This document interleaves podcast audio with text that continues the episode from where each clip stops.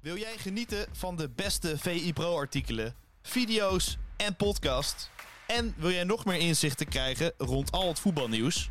Word dan nu lid van VI Pro. Voor exclusieve podcasts, tactische analyses, interviews met spelers en financiële inzichten.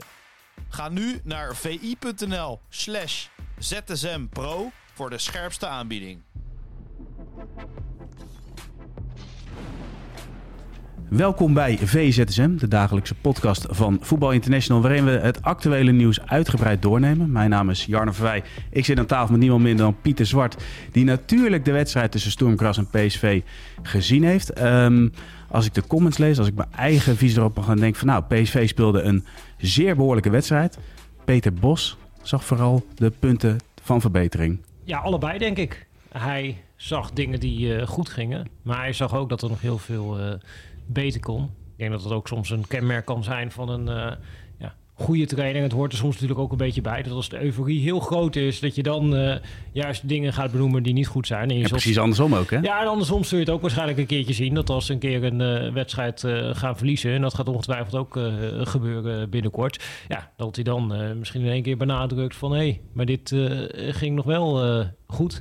Dus uh, dat is ook vaak een beetje ja, balans houden. En dat hoort denk ik ook een beetje bij het spelletje. Maar in dit geval had het ook gewoon te maken met uh, ja, bepaalde tactische afspraken die er gemaakt waren richting die wedstrijd. En Ja. die, die werden niet uitgevoerd uh, in de eerste helft. Ja, en als je dan trainer bent en ja, je hebt de hele week zitten studeren op Sturm Graz en je denkt, zo gaan we het aanpakken.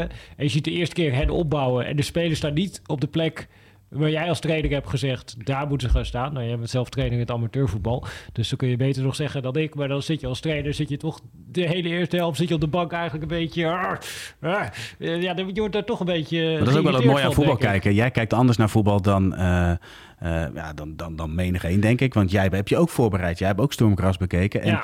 bij de 3-1, de kopbal, moest ik ook direct aan jou denken. Want dat was het gevaar van Stormgras. Toch was het, was het wel zoals ik jouw analyse uh, destijds uh, heb, heb ik natuurlijk ook gelezen. Ehm, dan ga je imagineren en ga je kijken naar die wedstrijd. Mhm. Toch vind ik dat als je, als je nou gewoon sec naar die wedstrijd kijkt... dat het PSV heel makkelijk afging. Maar lag dat dan aan PSV? Of lag dat ook voor een groot deel aan Stormgras? Nou, Wat denk we zijn jij? in Nederland natuurlijk heel erg geneigd om dan te denken en te zeggen...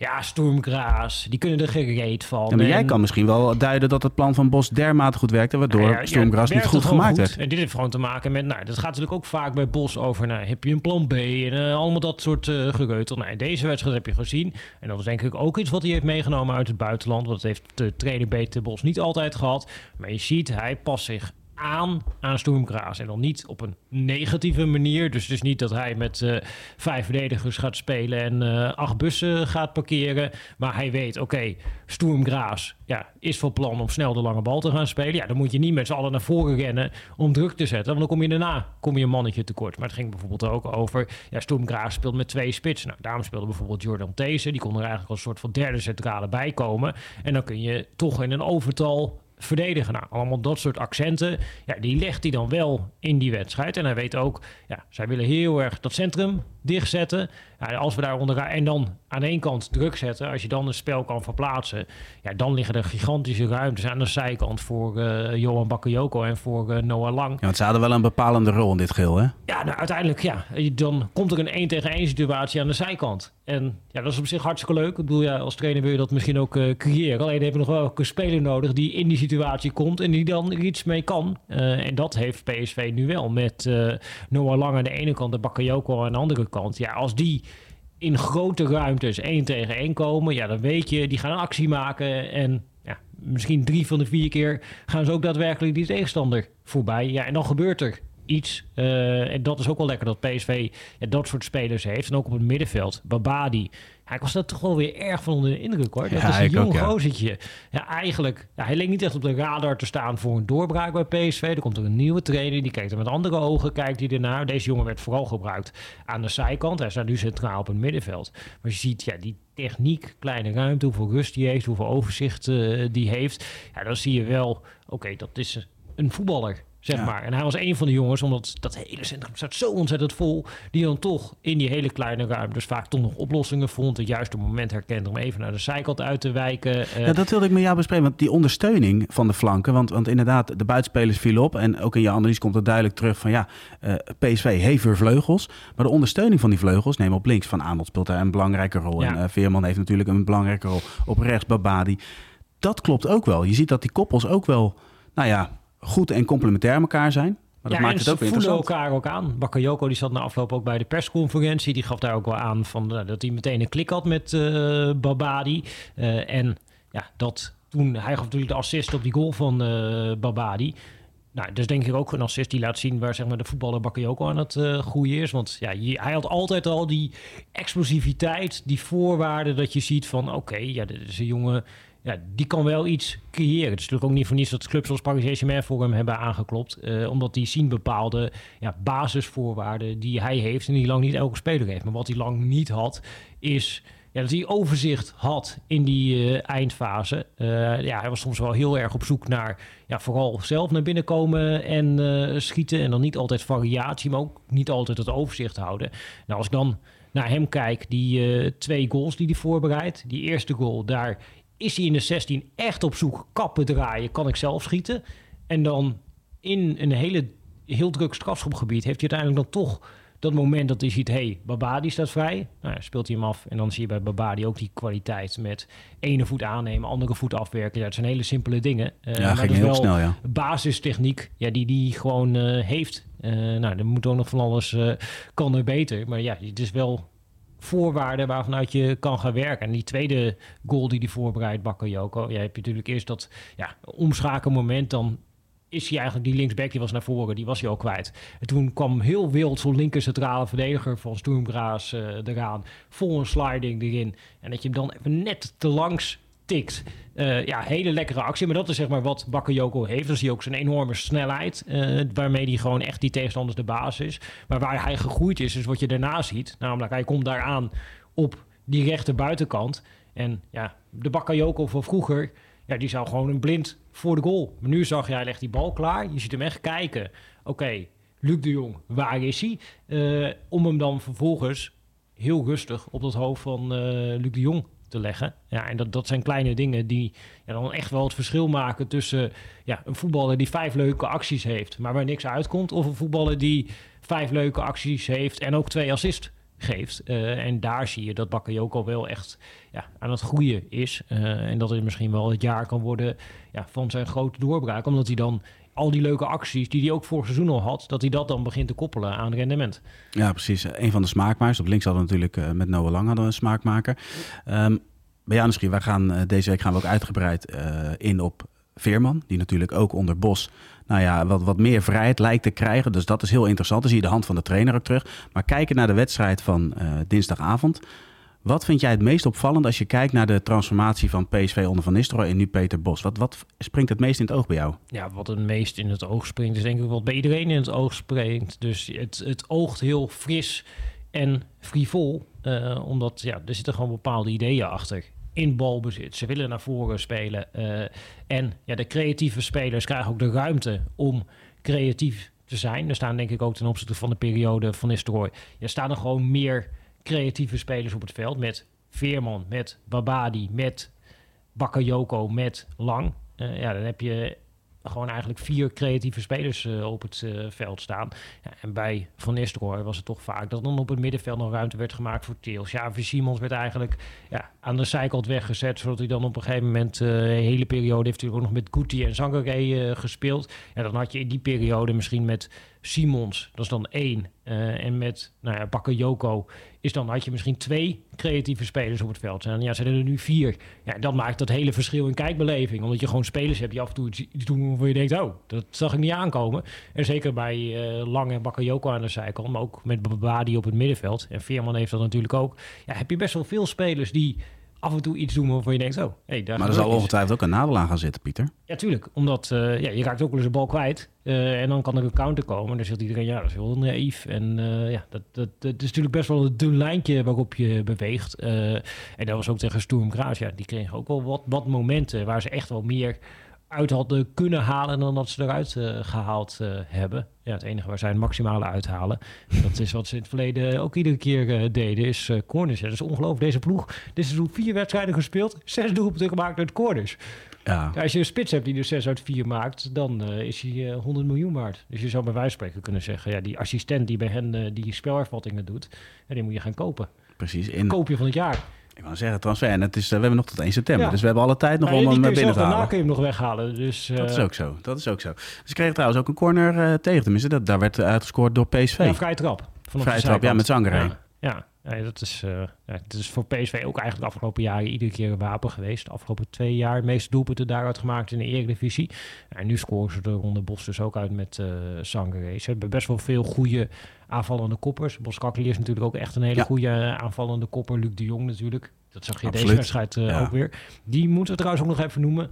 Vond ik echt goed spelen. En er was vaak ook wel kritiek op van in de combinatie. Maar je zag een paar keer, hè, eigenlijk twee doelpunten van PSV in de eerste helft. Die komen eigenlijk uit lange ballen van Walter Benitez op Luc de Jong. Nou, dan is hij toch wel echt een wapen dat hij dan de bal kan vasthouden, kaatsen. En daar komen dan uh, ja, gevaarlijke momenten uit. Maar ook over de grond een paar keer dat hij ja, echt... de connectie met Noah Lang. Dat is, want die is natuurlijk ook wel echt van het spelen doorbewegen. Die kan ook wel baat hebben bij Luc de Jong. Ja, precies. En dan is het wel lekker dat je zo'n spits hebt. Ja, die en die balletjes een beetje kan kaatsen. En dan spelers als Lang, Veerman vrij krijgen met het gezicht uh, naar het doel. Uh, en die vond ik echt, echt een goede wedstrijd spelen. En ja, er zit natuurlijk met Peppi zit er iemand achter die is gretig, die is hongerig. en dan ja, krijg je ook al soms snel het idee van, oh, misschien gaat op een gegeven moment op termijn Peppi wel de concurrentiestrijd winnen van Luc de Jong. Maar in deze wedstrijd heeft hij wel laten zien van, ja, daar ben je nog niet zomaar mee klaar. Ook omdat ja, in het druk zetten, dat soort dingen. Het is natuurlijk wel een hele geroutineerde speler die weet wat er gevraagd wordt. Uh, ja, en je wilt toch ook flexibel zijn? Nee, pak de situatie bij Feyenoord met Ueda nu erbij. Ze hebben natuurlijk daar ook twee goede spitsen. PSV heeft nu twee goede spitsen. Dus je kan op een gegeven moment ook iets anders doen als dat trainer. Klopt, dat klopt. Ja, en dat is wel lekker. En ook ja, de jongens natuurlijk voor ze ook een paar keer geblesseerd geweest. Ja, dan is het ook lekker als je een Peppi achter de hand hebt. Dus ja, wat dat betreft heeft Bos wel keuzes. Zeker ook voorin. Helemaal eens. We gaan naar het meest gelezen item op VE Pro. Ja. En dat is een analyse van hand van Sam Planting.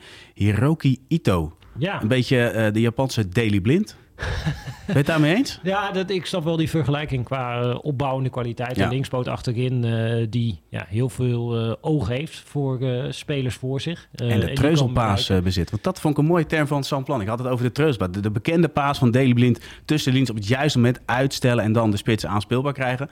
Mooi term, Treuzelpaas. Ja, en ja, wat dat betreft ja, een hele interessante speler. Stuttgart wil hem natuurlijk eigenlijk niet uh, laten gaan. En dat, dat is een beetje de vraag van, ja, gaat hij daadwerkelijk haalbaar zijn uh, voor Ajax? Want hij is de beoogde nieuwe linksback van Ajax. Dat is eigenlijk ja, het idee. centrale verdediger. Wel als linker centrale, niet als linksback? ook. Uh, dus dat is een beetje de vraag. En dat is ook met Hato natuurlijk de vraag. Dus hij kan allebei. Hij zou linksback uh, kunnen spelen. Maar ik denk dat zijn favoriete positie van de Ito... dat uiteindelijk links centraal is. Maar die zou allebei zou die, uh, kunnen, zoals ook Daily Blind natuurlijk allebei uh, ja. kon. Dan hangt ook een beetje af ja, hoe je het uh, in het geheel wegzet. Maar dat, ja, dan heb je met hem en Hato eigenlijk twee spelers waar je twee kanten mee op kan. dus ja, het, is wel een interessante speler. door de lucht niet super. Dat is wel echt een verbeterpunt van hem. Dus dat, dat kan nog wel echt ja, een punt van progressie zijn. En ook ja, ja, waar dan uiteindelijk kritiek op kan komen, is natuurlijk ook een reden dat zo'n jongen af en toe dan linksback uh, komt te staan. Omdat er daar dan vraagtekens uh, bij zijn. Hoe goed uh, kan die koppen? ja, dus dat, dat is dan nog even een dingetje waarvan je kan zeggen: oké, ja, hoe kijk je daarnaar? En ja, de vraag is: wil Stuttgart hem laten gaan voor een uh, acceptabel bedrag uh, voor Ajax? Maar dat een interessante speler is, dat is zeker. Ja, absoluut. Want we hebben net PSV besproken. Daarvan kunnen we stellen dat die klaar zijn voor de competitie. Ajax is dat zeker nog niet. Nou, PSV um, gaat ook nog wel wat gebeuren, natuurlijk. Ja, maar die zijn wel meer klaar voor de competitie. En bij Ajax zie je echt wel dat, dat het nog zoekend is. En, en gisteren geven ze ook aan van ja, er gaat ook nog wel wat gebeuren. Ja, Zowel ja, Michelin dat als Stijn gaf dat, dat aan. Ja, en ja, het is ook wel bekend de posities waar natuurlijk wat moet gebeuren. Rechtscentraal achterin. Zijn natuurlijk bezig met Soetelo. Dus de vraag of die komt. Nou ja, Ito hebben we net genoemd. Uh, extra linksbenige optie uh, achterin. Ja. Nou, dan heb je al uh, twee van de vier posities achterin. En in theorie zou het nog kunnen dat Jorge Sanchez misschien toch nog vertrekt. En dat er dan nog een rechtsback ook bij komt bij Ajax. Nou ja, Alvarez is natuurlijk op weg naar de uitgang naar West Ham United. Ga je daar dan nog een verdediger middenvelder voor terughalen? Ja, en nou ja, Klaassen, die, die situatie komt ook weer aan de orde. Van ja, als hij buiten het elftal valt, misschien wil hij dan wel weg. En als hij weggaat, wie moet dan als vervanger uh, gaan komen? Nou ja, Kudus wordt nog aangetrokken, is gisteren uitgebreid besproken ook in uh, ZSM. Ja, moet daar nog een vervanger voor komen? En je hebt Brobbey als spits. Uh, en eigenlijk ja, niet iemand erachter, behalve dan Rasmus, die vanuit Jong Ajax door zou kunnen stromen. maar vroeger had je natuurlijk ook nog Kudus die dan op die plek kon spelen, of Tadic die op die plek kon spelen. Nou, we zitten op 9 augustus, Pieter. En ja, ik, ik, hoor nu heel veel posities ja, voorbij komen. een half elftal, wat nog ingericht moet worden. Dus ja, ze hebben daar nog werk uh, te doen. Ik denk dat uh, Michelin dat en Stijn zich niet hoeven te vervelen tot en met uh, 1 september. Nee, dat klopt. En, en ze gaan voorlopig ook geen gebruik maken van het netwerk van Wesley Snijder. Want die zou in gesprek geweest zijn. Het gesprek is onhold. En, en vervolgens, ja goed, heel ja, subtiel heel zo. Goed, ja. Maar ja, dat lijkt niet tot de samenwerking te gaan komen. Nee, ja, een beetje een rare, een rare soap. Dus toen kwam op een gegeven moment inderdaad naar buiten van... Nou, ze zien een rol in de staf voor, uh, voor zich, voor uh, Snyder. Nou, toen kwam naar buiten dat harde kern er niet even blij mee was. Uh, toen heeft Snyder het opgelost met die harde kern. en nu was het verhaal bij Ajax van nou, het is op korte termijn niet aan de orde. Waarop Snyder meteen een statement gaf op Instagram. ja, eigenlijk trok hij zijn handen ervan af dat er dan wat hem betreft niet, moest, niet meer hoefde. en liet ook meteen weten dat de club op dit moment ver afstond van hoe hij Ajax uh, kende. Uh, dus ze kregen er ook meteen de, de sneertje achteraan. Je krijgt ook zo'n beeld van, van Snijder. Vanuit Snijder denken van, nou, ze hebben mij nodig. Maar vanuit dat interview van Stijn van, nee, we, we doen het ook voor zijn cursus. Het is ook voor hem. Dus het is ook een beetje zo'n zo'n situatie. Ja, maar wie heeft er nou baat bij wie? Terwijl ze eigenlijk elkaar zouden kunnen versterken. Ja, in theorie wel. Uh, ja, tegelijkertijd dat hele gedoe met die trainingscursus van Snijder en zo. Ja, dat duurt allemaal ondertussen al zo ontzettend uh, lang. Uh, is er al van een paar jaar terug dat hij zijn... was, was, was hij toch voor, met de WVA bezig? Dus ja, eigenlijk het, de voorloper van pro? Genoeg, ja, toen vond hij dat hij niet genoeg werd geholpen. En dan stopt hij weer met de cursus. En dat, ja, dat is iedere keer is dat gedoe. Uh, en dat is nu al een paar jaar rondom welke functie in de voetballerij dan ook. Want we hebben op een gegeven moment bij Den Bosch zien opduiken. Dan ook volgens mij Fortuna Utrecht hebben we natuurlijk ook uh, gezien. Werd even genoemd voor een directiefunctie bij Ajax. Dus er is van alles voorbij ja, gekomen. Hij zichzelf als directiefunctie uh, oh, Ajax inderdaad. Uh, ja, hij had zelf gesolliciteerd, maar had er niet echt een antwoord op gekregen. en hij is iedere keer ontevreden hoe die behandeld wordt. Maar als op een gegeven moment jij de constante bent in situaties waar eigenlijk continu ontevredenheid heerst. Want of het nou inderdaad gaat over de trainingscursus bij de KVB of nu een stafrol bij Ajax of nou ja, bij Utrecht hoe dat destijds ging. Of inderdaad bij Den Bosch. ja, de constante is dat Snijder is erbij betrokken en aan het eind is het uh, gezeik. Ja, dan zal misschien ook Snijder daar iets mee te maken hebben. Ja, en gegeven dit zou je bijna kunnen zeggen, misschien is het ook maar goed dat hij uh, daar niet binnen is gestapt. Want dan hou je in ieder geval daar, in ieder geval binnen je staf, hou je dan de rust. Ja, en het lijkt me ook niet echt handig dat, uh, ja, daar zal ze natuurlijk sowieso over gesproken moeten worden als dat gebeurt. Maar ja, hij is nu nog wekelijks bij Veronica, de voetbalwereld, te duiden. Ja, dat lijkt, en hij heeft, ja, hij spreekt, hij zegt wat hij denkt ja, dat lijkt me niet helemaal handig, zeg maar. Uh, iemand die uh, assistent is. Dat voor ons geweldig, maar dat lijkt me voor, voor een club niet zo prettig. Maar die combinatie, dat lijkt me een beetje ingewikkeld. Uh, dus dan had hij ook daartussen moeten kiezen, denk ik, op een gegeven moment. want ja, die combi, dat, dat gaat natuurlijk niet. Nee, absoluut. Hey Pieter, we gaan afsluiten met Mickey van der Ven. Een aantal jaar geleden hadden wij uh, de wekelijkse talkshow met Kees Jansma. En toen kwam er een iets wat verlegen jongen uit Volendam kwam er binnen samen met zijn moeder. Ja. Een hele vriendelijke jongen, zachtaardige jongen. En dan zie je die beelden met indrukwekkende rusjes. Goed in de lucht, goed in zijn passing. Maar die verlegen jongen is nu ineens de aankoop van Tottenham Hotspur. Ja, voor een bedrag wat kan oplopen in de richting van 50 miljoen euro. Dus een uh, ja, gigantisch uh, bedrag ja, voor een jongen die uh, volgens mij onder Ronald Koeman nog nooit in een voorselectie uh, heeft uh, gezeten. En ja, in Nederland toch wel onder de raad. Deze jongen heeft nog nooit in de Eredivisie gespeeld. Hij is gewoon vanuit de KKD direct naar Wolfsburg gegaan voor een bedrag wat toen al 3,5 miljoen ja, echt een record was voor een speler uit de KKD. Nou, daar heeft Volendam ook nog een 15% op doorverkoop op bedongen. Ja, daardoor lopen ze nu nog een keer lopen ze binnen op de transfer van de fan. En ja, daar hebben ze ook volledig recht op, want ja, daar is op een gegeven moment Wim Jong natuurlijk aan de slag gegaan. Jasper Verleeuw was technisch directeur. Uh, en ja, dat was 2019, uh, voorjaar 2019. Uh, en ze zouden in de zomer beginnen. En toen gingen zij op een gegeven moment maar een wedstrijdje van Volendam onder 19 kijken. En ja, daar liep een jongen achterin. En ja, zij zagen hem spelen. En die dachten zo... Oké, wat, Pieter, wat, waar zit dit? dat nou in? Want eh, ik vind dit wel echt een interessant onderwerp. We hebben het, voordat we de uitzending begonnen, hadden we het daar kort over.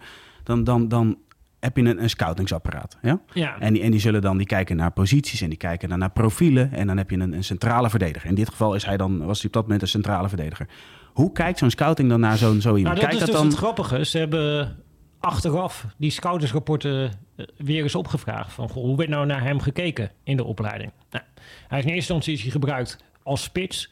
Toen zijn ze hem gaan gebruiken als linksbuiten. Ze vonden hem als aanvaller, vonden ze hem niet goed genoeg. Toen hebben ze hem maar achterin gezet van, nou ja, misschien eh, wordt dat wat. Eh, en toen stond in alle schoudersrapporten, kan niet één tegen één verdedigen. Kan niet koppen, is niet betrouwbaar. Ja, al dat soort dingen. En al dat soort dingen was ook zo. Alleen zij keken naar die speler en ze zagen iemand snel, echt waanzinnig snel. Eh, en Ja. indribbelen van achteruit. En ja, zij hebben de conclusie getrokken. Ja, een beetje vanuit het Cruyff-idee. Van als je nou individueel met die jongen aan de slag gaat. En je zorgt dat hij wat sterker wordt in de duels. Dat je hem helpt met technisch verdedigen. eh, en hem daar tips in gaat geven. Ja, dat heeft die enorme potentie. Dus is de was- mindset omgedraaid. Dus kijk Precies. vanuit het positieve en kijken wat die? kunnen we beter En nou maken. ja, dan kunnen we dit ook nog wel beter maken. In plaats van, ja, je kon inderdaad naar Van de Ven kijken. Een heleboel dingen zien ja, die niet goed waren. Eh, en dit was ook een jongen, ja, die stond niet op de radar bij de Nederlandse jeugdteams. Eh ja, werd eigenlijk nooit gezien als een groot talent. Tot inderdaad iemand naar hem ging kijken en zag, hé, hey, maar hij heeft bepaalde voorwaarden. Zelfs in de Ajax-jeugd zien we dat lang niet altijd eh, bij eh, dat soort spelers. En ik weet dat, ja, in de eerste maanden dat zij met hem werkte, dat, dat zij al ook tegen mij zeiden van, ja, dit is een jongen... eh, hebben we niet vaak gezien, dit soort verdedigers. Hebben we bij Matthijs het Licht gezien, maar verder niet. Ook de reden waarom we hem uit hebben genodigd. Hè? Want hij maakte indruk bij Volendam. Jij had natuurlijk toen de tijd veel contact met, met Jonk en, en Ja. Jonkind. Ehm, opvallend trouwens ook, moet ik ook wel even benoemen... dat anderhalf jaar geleden Suleiman ook al aangeeft... Joh, dit is in potentie echt een internationale topverdediger. Maar even terug naar het begin dat hij dus bij Volendam zat. Vanuit daar was wel heel duidelijk van... ja, luister jongens, jullie zitten slapen. Dit is echt een potentiële topper. Klopt, ja. En dat is ja, heel grappig. En dan ga je eh, ja, hem ook bekijken bij eh Volendam. Ja, en dan, dan zie je inderdaad dingen die heel uitzonderlijk zijn. En ja, dat was al na een paar maanden. Dat, ja, dat was niet de, ja, zij gooide die jongen erin. Terwijl die, eh, toen was hij 17, 18 jaar denk ik. Gooide ze gewoon in de basis. Eh, terwijl die, toen zij binnenkwamen zagen ze hem als zesde, zevende centrale verdediger in de rij. En zij zeiden met hup, gewoon opstellen. Eh, en ook indribbelen. Ja, neem maar die risico's. En het gaat misschien een keer fout. Dat levert misschien een tegen. Daar leverde jij echt een mooi moment van aan. Jij, je had een moment studio doorname van... Joh, dit moet je echt los gaan zetten. En ik moest gelijk denken aan Jan Vertongen. Ja, Dat moment dat hij zo, laat maar zeggen, door alle linies heen ging, ook een goede eindpas had. Echt een waanzinnig moment. Ja, precies. En eh, de, dat ja, was wat hij had. En al die andere dingen, daarvan is gedacht, ja, gaan we aanleren. Nou ja, dat is natuurlijk in de KKD redelijk goed gelukt. Daarom verkoop je hem uiteindelijk eh, aan Wolfsburg. En in Wolfsburg zijn ze nog verder gegaan met dat ja, verdedigende deel. Dat kunnen ze natuurlijk ook eh, in Duitsland. Ja, en nu zie je dat ja, een jongen een stap maakt eh, naar Spurs. Ja, omdat hij ja, al die andere dingen waarvan werd gezegd, ja, dat kan hij niet. Ja, dat heeft hij geleerd. En dat ene speciale wapen wat hij altijd al had, die gigantische snelheid. Is echt een snelheidsduivel. ja, dat, dat houdt hij. En het is een linksbenige centrale verdediger die goed is in de opbouw. Ja, dat soort spelers die zijn ook gigantisch veel geld waard op de huidige markt. Omdat, ja, dat zie je nu ook. Er komt een voetballende trainer bij eh, Spurs. Ja, die zoekt gewoon een centrale verdediger met wie die met veel ruimte in de rug kan spelen. Nou, dat kan niet met zijn snelheid. En met wie die kan opbouwen. Ja, dat kan niet, omdat hij kan indribbelen. Eh, en ja, al die andere dingen. Ja, blijkbaar kun je dat dan ook nog op een gegeven moment iemand bijleren. En wat dat betreft eh, ja, geeft ook wel inzicht in... Ja, dat we in Nederland dan misschien blijkbaar ook soms ja, verkeerd nog kijken naar talenten. Dat we te veel kijken, een beetje ja, afserveercultuurtje van... Is het alleen dat? Of is het ook wel, stel dat jij even, even je komt uit de generatie, zeg even eh, jaren 90. Dus je, je, hebt, je hebt Frank de Boer Ja. gezien als centrale verdediger. Stel dat dat jouw beginpunt is, Mhm. dat is de ideale centrale verdediger.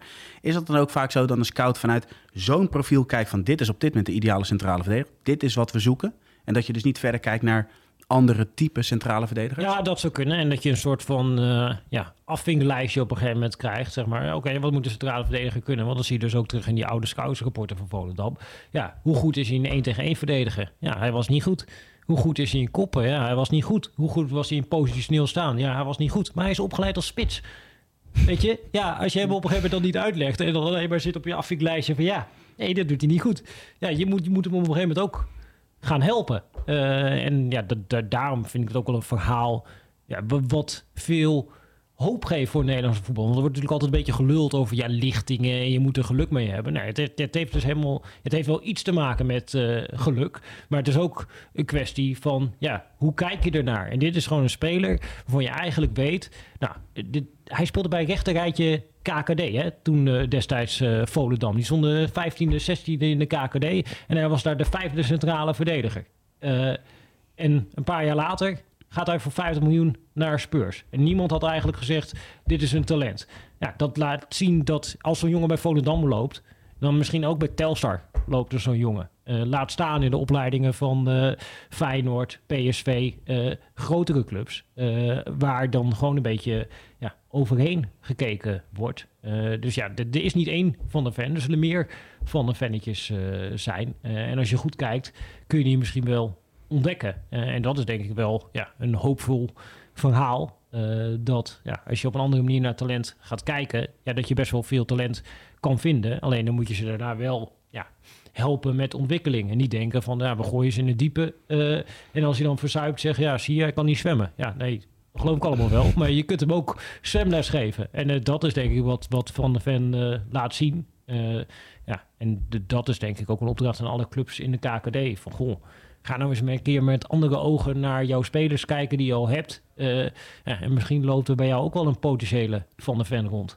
Maar eigenlijk zeg jij, kijk naar spelers en kijk waar ze echt in uitblinken. En zorg dat je bij de andere, alle andere facetten, laat maar zeggen, hulp biedt. Ja, precies. En datzelfde zeg maar. Nou, bij Volendam loopt nu ook die uh, Mbuyamba loopt bijvoorbeeld rond uh, centraal Oh, ja. ja, qua kopkracht. Uh, hè, dus dan heb je weer iets anders. Het is een hele grote jongen, kan geweldig koppen. ja, een uniek wapen. Uh, nou, hij heeft ook wel de voorwaarden om redelijk snel te zijn, maar ook bij hem kun je ja, uh, techniek in het opbouwen, uh, positioneren, hoe staat. Ja, dat is natuurlijk ook logisch. Als iemand al, zeg maar, altijd twee meter is geweest in de jeugd, ja, dan kan je altijd eigenlijk oplossen met je fysiek. Nou, dan kom je op een hoger niveau, kun je het op een gegeven moment niet meer allemaal oplossen met je fysiek. Ja, dan moet je wat andere dingen gaan bijleren. En als je op die manier naar spelers gaat kijken, ja, dan kun je ook op een gegeven moment spelers beter maken. en is het op een gegeven moment wel dat eindproduct wat 50 miljoen euro waard is. Uh, en ja, de, dat soort spelers lopen er uh, meer rond. Maar het begint inderdaad met kijken naar, hey, ja, dit heeft hij al. Uh, en dan ja, die speler vertrouwen geven en die speler gaan ontwikkelen. En dan kan er wat gebeuren. en, nou, dus, en dan kom je weer terug zeg maar, bij nou, Babadi bijvoorbeeld. Dat is eigenlijk hetzelfde soort verhaal. Ja. Bij hem kun je zeggen, ja, nou, hij is op het middenveld heeft hij bijvoorbeeld heel veel dingen niet die Guus Deel wel heeft. Met bepaalde fysieke inhoud, met bepaalde duelkracht. Maar hij heeft ook bepaalde dingen wel. En daar kun je aan de slag gaan en onder de rest proberen bij te leren. Uh, en dus ja, Babadi van de Ven is allemaal een beetje hetzelfde. Ja, en dat hoe, maakt voetbal zo mooi, Pieter. Dat denk ik wel, ja. Ja, toch? Nou, Pieter, uh, we moeten toch uh, een keer deze ZSM afsluiten. Want het is een podcast waarin we zo snel mogelijk... Ja, het nieuws dat is vandaag natuurlijk we, niet we gelukt. hebben wel wat zijpaden bewandeld. Maar ja, dat is ook wel weer leuk. Met zo, ja, ik bedoel, het gaat niet elke dag gaat er een Nederlandse verdediger voor 50 miljoen naar de Premier League. Daar heb je eh, een punt. Want normaal gesproken, als dit zou gebeuren, want het is ooit ontstaan alsof je bij het koffiezetapparaat een voetbalgesprek hebt, dan zouden we hier ook een half uur over eh, gesproken hebben. Dat denk ik ook, ja. Precies. Pieter, dankjewel en tot ZSM. Tot ZSM.